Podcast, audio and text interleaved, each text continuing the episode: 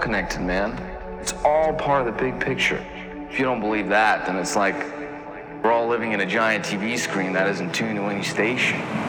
Billions of dots just bouncing and frying around.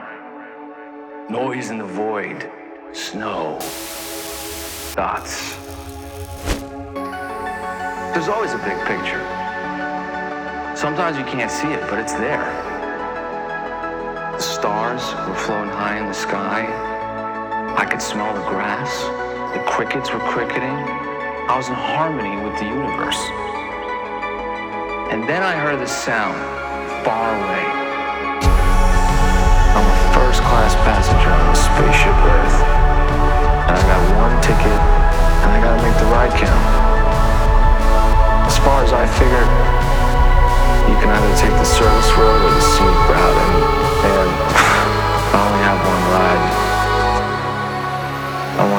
beautiful.